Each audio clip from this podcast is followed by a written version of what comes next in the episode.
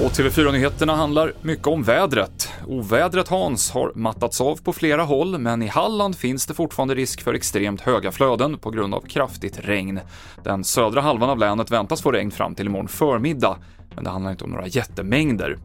E6 i höjd med Kållered söder om Göteborg fortsatt avstängd i båda riktningarna på grund av översvämning. Prognosen är satt till klockan 18 idag. Och de senaste dagarnas trafikpåverkan sticker ut, menar Bengt Olsson på Trafikverket. Det är första gången som vi har haft den här typen av händelse i den här eh, omfattningen över så stor del av landet samtidigt och att det har stannat kvar under flera dygn.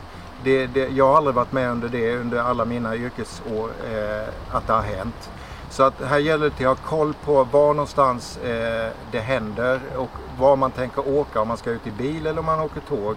Ha koll på hur ser det ut framför mig nu och följ väderleksrapporterna.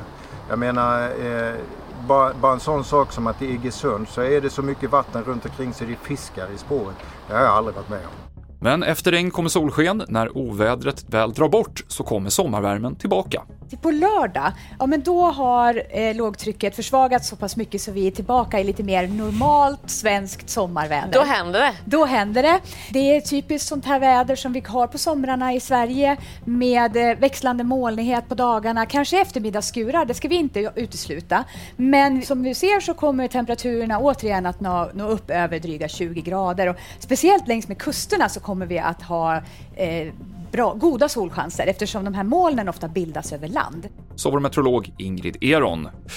Vi avslutar med att berätta att en person som tidigare medverkat vid flera koranbränningar har fått tillstånd till en ny demonstration i centrala Stockholm.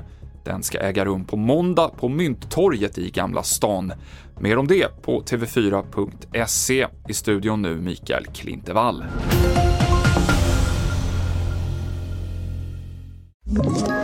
Ett poddtips från Podplay.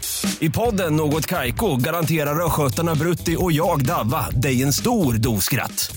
Där följer jag pladask för köttätandet igen. Man är lite som en jävla vampyr. Man har fått lite blodsmak och då måste man ha mer. Udda spaningar, fängslande anekdoter och en och annan arg rant. Jag måste ha mitt kaffe på morgonen för annars är jag ingen trevlig människa. Då är du ingen trevlig människa, punkt. Något Kaiko, hör du på Podplay. Därför arkadeinerna.